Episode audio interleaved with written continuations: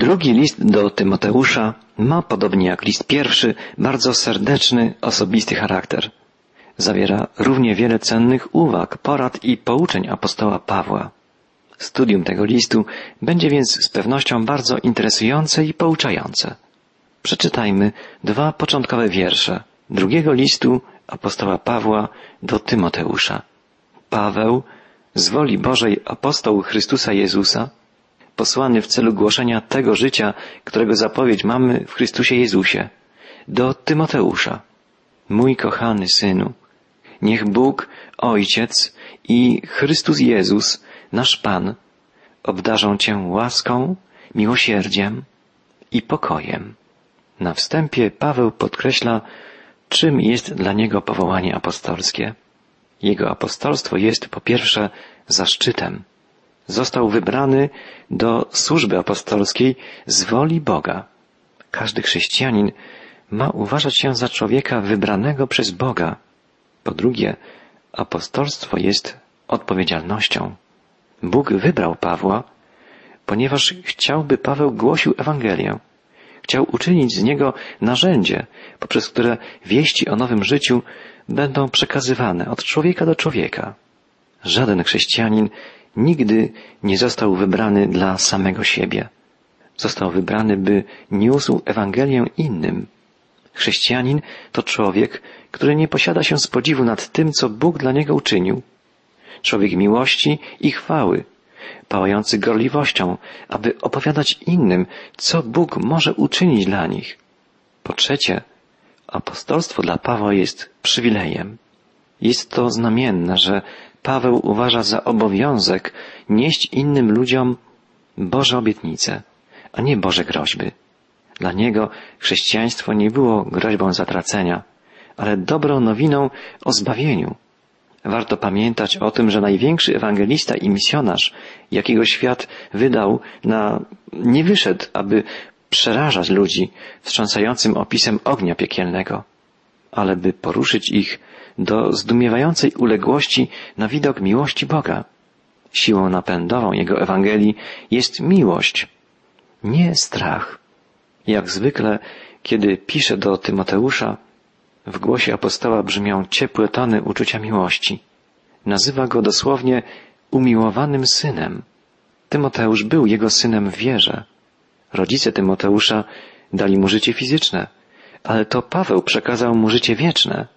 Nie wszystkim ludziom dany jest zaszczyt bycia rodzicami fizycznymi, ale każdy chrześcijanin może zostać ojcem lub matką w wierze, a nie ma niczego bardziej radosnego niż przyprowadzenie choćby jednej osoby do Jezusa Chrystusa. Apostoł Paweł pisze list, by dodać swemu synowi w wierze otuchy, by go wzmocnić, na nowo umotywować i zapalić do jeszcze wierniejszej służby dla Boga i dla ludzi. Czytamy od trzeciego wiersza. Dziękuję Bogu, któremu z czystym sumieniem służę, tak jak moi przodkowie, zawsze i we dnie i w nocy, pamiętając o Tobie w modlitwach.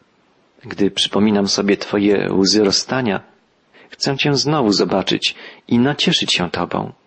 Nie zapominam o Twojej szczerej wierze, którą odznaczały się najpierw Twoja babka Loida i matka Eunika. Nie wątpię, że i Ty żyjesz tą samą wiarą. Dlatego zachęcam Cię, abyś z zapałem rozwijał w sobie dar ducha, jakiego Bóg Ci udzielił, kiedy nałożyłem na Ciebie ręce. Bóg dał nam ducha nie po to, żebyśmy się bali, ale żebyśmy byli mocni, pełni miłości i opanowania. Apostoł chce podtrzymać zapał Tymoteusza. Chce wzmóc jego wysiłek, jego odwagę. Przypomina mu więc o kilku rzeczach. Po pierwsze, przypomina Tymoteuszowi o swoim zaufaniu do niego. Nie ma większej zachęty, jak poczucie, że ktoś nam ufa, że ktoś w nas wierzy. Odwołanie się do honoru jest zawsze skuteczniejsze od groźby kary. Po drugie, apostoł przypomina Tymoteuszowi o jego tradycjach rodzinnych. Tymoteusz wszedł w cenne dziedzictwo rodzinne. Jego babka i matka przekazały mu bezcenny dar wiary. Posiadanie wartościowych rodziców jest jednym z największych skarbów dostępnych człowiekowi. Człowiek zawsze powinien dziękować za rodziców Bogu. Po trzecie, apostoł przypomina Tymoteuszowi o wyznaczeniu na urząd i o darze, który został mu przekazany. Jeśli człowiek wstąpi do służby w jakimś przedsiębiorstwie o ustalonej tradycji, jego praca i zachowanie ma wpływ nie tylko na niego samego. Jest też kwestia pewnego honoru, tradycji, które trzeba strzec.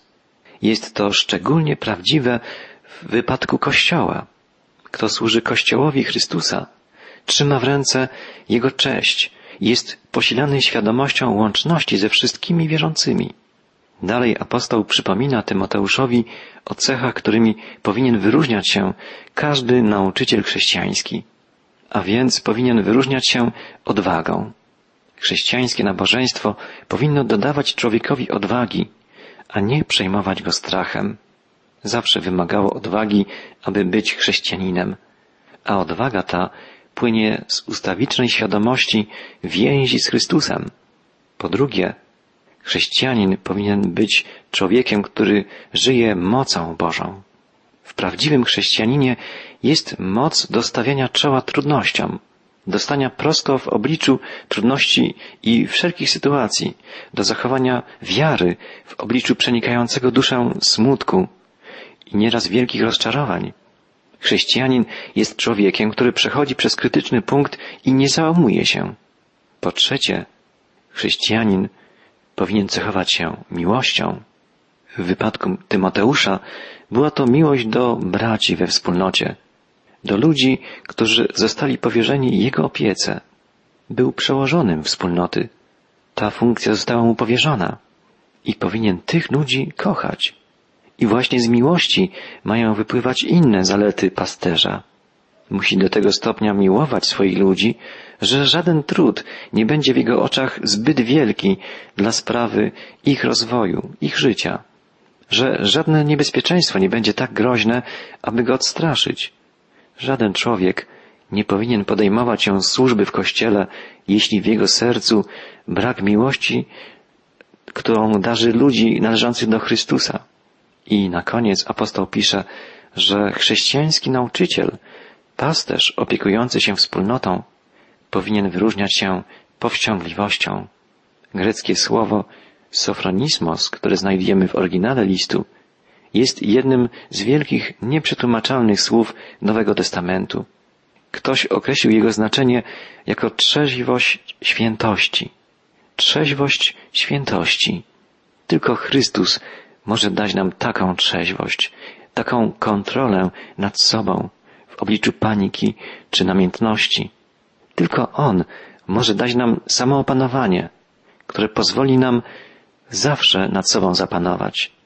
I wtedy będziemy też zdolni do kierowania innymi. Żaden człowiek nie może bowiem zarządzać innymi, zanim wpierw nie zapanuje nad sobą. Pan dał nam ducha nie po to, żebyśmy się bali, ale żebyśmy byli mocni, pełni miłości i opanowania, podkreśla apostoł. A dalej pisze, nie wstydź się więc przyznać do naszego Pana, ani do mnie, choć siedzę w więzieniu z Jego powodu. Lecz tak jak ja, nie uchylaj się od cierpienia dla Ewangelii, a Bóg doda Ci sił. Wierność Ewangelii zazwyczaj przynosi kłopoty. W przypadku Tymoteusza chodziło o wierność człowiekowi uważanemu za przestępcę. Apostoł Paweł, pisząc ten list, znajdował się przecież w więzieniu w Rzymie. Apostoł przedstawia Ewangelię w pełnym blasku chwały, pomimo tych kłopotów. Pisze, że warto cierpieć dla Ewangelii. Niewiele urywków Nowego Testamentu zawiera w sobie takie poczucie czystej wspaniałości Ewangelii. Apostoł pisze, że jest to Ewangelia mocy. Każde cierpienie, jakie przynosi, znoszone jest w mocy Bożej. W starożytnym świecie Ewangelia była siłą do życia. Właśnie ten wiek, w którym żył apostoł Paweł, był wiekiem samobójstw. Ze wszystkich starożytnych myślicieli najsurowsze zasady mieli stoicy, ale kiedy życie stawało się nieznośne, mieli właściwą sobie drogę ucieczki. Mówili, Bóg dał człowiekowi życie, ale człowiek może sam sobie je odebrać.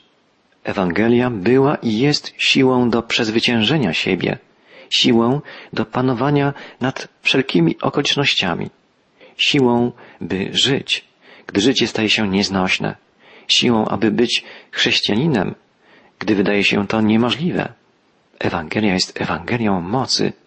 Po drugie, jest Ewangelią zbawienia, czyli dobrą nowiną o zbawieniu. Bóg jest Panem, który zbawia nas. Ewangelia jest ratunkiem, jest ratunkiem, wybawieniem od grzechu. Uwalnia człowieka od rzeczy, które trzymają go w niewoli. Człowiek potrafi złamać swoje nawyki, nałogi, które nieraz są silniejsze od niego. Ewangelia jest siłą ratującą, która ze złego człowieka może uczynić kogoś dobrego. I po trzecie, jest Ewangelia uświęcającą nowiną. Nie jest tylko wybawieniem od skutków poprzednich grzechów. Jest wezwaniem do chodzenia drogą świętości.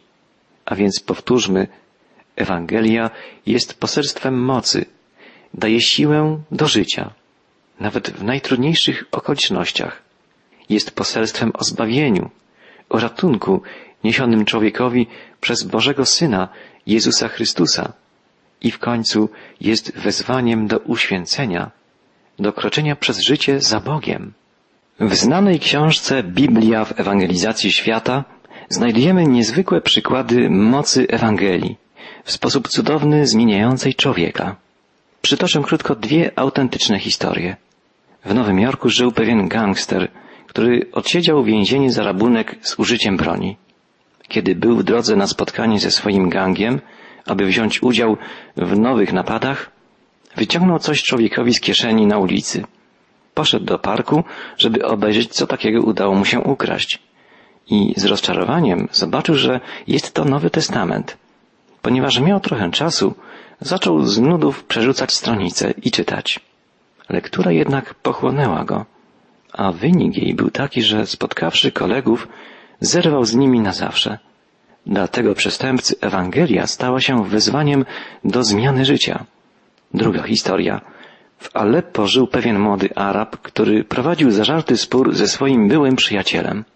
Do pewnego ewangelisty chrześcijańskiego powiedział Nienawidzę tego człowieka, także planuję napad, którym z pewnością postrada on życie. Jednak później opowiedział następującą historię. Spotkałem Ciebie i namówiłeś mnie, żebym kupił Ewangelię świętego Mateusza. Kupiłem ją, tylko po to, żeby sprawić Ci przyjemność. Nigdy nie miałem zamiaru jej czytać. Ale rozbierając się wieczorem do spania, podniosłem ją z ziemi, bo wypadła mi z kieszeni i zacząłem czytać. Natrafiłem na miejsce, gdzie znalazłem słowa Słyszeliście, że powiedziano przodkom, nie będziesz zabijał. A ja wam powiadam, że każdy, kto się gniewa na brata swego, pójdzie pod sąd. Pomyślałem wtedy o nienawiści, którą miałem w sercu względem swojego wroga. Czytałem dalej. Czułem się coraz bardziej nieswojo. Natrafiłem na słowa Jezusa, pójdźcie do mnie wszyscy, którzy jesteście spracowani i obciążeni, a ja sprawię wam odpocznienie. Weźcie jarzmo moje na siebie i uczcie się ode mnie, żem cichy i pokornego serca, a znajdziecie odpoczynek dla dusz waszych. Czytając te słowa, zawołałem Boże, bądź miłości w mnie grzesznemu. Pokój i radość zalały moje serce. Nienawiść znikła. Od tego czasu stałem się innym człowiekiem. A największą przyjemnością jest odtąd dla mnie czytanie Nowego Testamentu. To Ewangelia wprowadziła byłego przestępcę w Nowym Jorku i niedoszłego mordercę w Aleppo na drogę świętości. I właśnie tu nasze chrześcijaństwo kościelne tak srogo zawodzi. Nie zmienia ono ludzi, a więc dlatego jest nierzeczywiste. Człowiek, który naprawdę poznał zbawiającą moc Ewangelii, powinien być człowiekiem przemienionym i powinno to być widoczne w jego codziennym życiu, w pracy, w domu, na ulicy. Człowiek wierzący powinien wyróżniać się tym, że kroczy drogą prawdziwego uświęcenia, bo wezwany został na tę drogę przez Ewangelię Chrystusa, Ewangelię mocy, zbawienia i chwały w rozważanym przez nas fragmencie drugiego listu do Tymoteusza znajdujemy dalsze, niezwykłe słowa apostoła, który pisze o Ewangelii, za którą warto cierpieć. Podkreśla apostoł, że jest to Ewangelia mocy, zbawienia i uświęcenia oraz Ewangelia łaski. Nie jest tym, co osiągnęliśmy, ale czymś, co przyjęliśmy. Jest czymś danym nam darmo, z łaski. Bóg nie wezwał nas dlatego, że byli, byliśmy już dobrzy, że byliśmy świętymi. On powołuje nas dlatego, że potrzebujemy ratunku i pragnie uczynić nas świętymi. Gdybyśmy mieli zasłużyć dopiero na Jego łaskę, nasze położenie byłoby beznadziejne. Ewangelia jest darmo, jest bezpłatnym darem Boga. On umiłował nas nie dlatego, że zasłużyliśmy na Jego miłość, ale z czystej łaskawości swojego pełnego miłości serca. Jest to po drugie Ewangelia odwiecznego planu Bożego, co podkreśla apostoł. Została zaplanowana, zanim jeszcze czas rozpoczął bieg. Nie powinniśmy myśleć, że Bóg kiedyś był surowym sędzią, a od czasu, kiedy przyszedł na świat Jezus Chrystus, stał się pełen miłości i przebaczenia. Nie, od najdawniejszych czasów miłość Boga szukała człowieka i ofiarowywała mu swoją łaskę i przebaczenie. Miłość jest istotą odwiecznej natury Boga. Dalej, Ewangelia jest dobrą nowiną pełną życia i nieśmiertelności.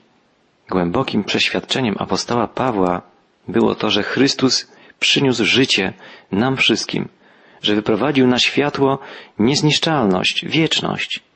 Świat starożytny bardzo obawiał się śmierci, a jeśli się nie bał, to w każdym razie uważał ją za unicestwienie, za koniec wszystkiego. Dopiero Jezus przyniósł poselstwo, iż śmierć jest drogą ku nowemu życiu, że nie tylko nie oddala człowieka od Boga, ale do Niego przybliża. Dalej pisze apostoł, jest to Ewangelia służby. Ta właśnie Ewangelia uczyniła Pawła zwiastunem, apostołem, nauczycielem wiary. Nie pozostawiała go w błogim uczuciu, że teraz jego dusza jest zbawiona i że nie potrzebuje już w ogóle martwić się o nic. Nie. Raczej włożyła na niego nieodparte zadanie zatracenia samego siebie w służbie dla Boga i dla bliźnich. Ewangelia włożyła na apostoła Pawła trzy konieczności. Uczyniła go zwiastunem. Użyte tu słowo greckie kerux posiada trzy podstawowe znaczenia, z których każde ma coś do powiedzenia o obowiązkach chrześcijanina. Greckie słowo kerux oznaczało herolda, obwieszczającego królewskie polecenia. Mógł też być człowiek, którego określano kerux, emisariuszem, w sytuacji, gdy dwie armie stały naprzeciw siebie i mógł negocjować warunki, albo żądać rozejmu czy pokoju. I wreszcie Kerux był człowiekiem najętym przez sprzedawcę czy kupca dla zachwalania towarów, dla zapraszania kupujących, by weszli i kupili coś. Odpowiednio do tych znaczeń chrześcijanin jest człowiekiem, który swoim bliźnim podaje wieść, dobrą nowinę, który pośredniczy w zawarciu pokoju między ludźmi i Bogiem i który nawołuje do skorzystania z bogactwa Bożych propozycji. Dalej apostoł podkreśla, iż Ewangelia uczyniła go apostolos, tym, który został posłany. Słowo to może oznaczać posła lub ambasadora. Apostolos nie przemawia w swoim imieniu, lecz w imieniu tego, który go posłał. Nie przybywa z własną mocą, lecz w imię mocy wysyłającego go. Chrześcijanin jest posłem, ambasadorem Chrystusa, przybyłem, aby w Jego imieniu przemawiać i reprezentować Go wobec ludzi. I w końcu apostoł podkreśla, iż Ewangelia uczyniła Go nauczycielem. W pewnym sensie zadanie nauczania jest najważniejszym zadaniem każdego chrześcijanina, każdego przełożonego, każdego sługi w Kościele Chrystusa. Z całą pewnością zadanie nauczyciela jest trudniejsze od zadania ewangelisty, który ma nawoływać ludzi i zetknąć ich z miłością Boga. W momencie wzruszenia człowiek może odpowiadać na to wezwanie, ale pozostaje jeszcze długa droga, na której ma poznać znaczenie i dyscyplinę życia chrześcijańskiego. Fundamenty zostały założone. Trzeba jeszcze wznieść budynek. Wzniecenie płomienia przez ewangelizację wymaga stałego podtrzymywania żaru przez nauczanie chrześcijańskie. Kto wie, czy nie dlatego ludzie odchodzą od Kościoła, a przede wszystkim od Boga, po podjęciu pierwszej decyzji, iż po prostu nie byli nauczeni znaczenia wiary chrześcijańskiej. Brak było prawdziwego nauczania.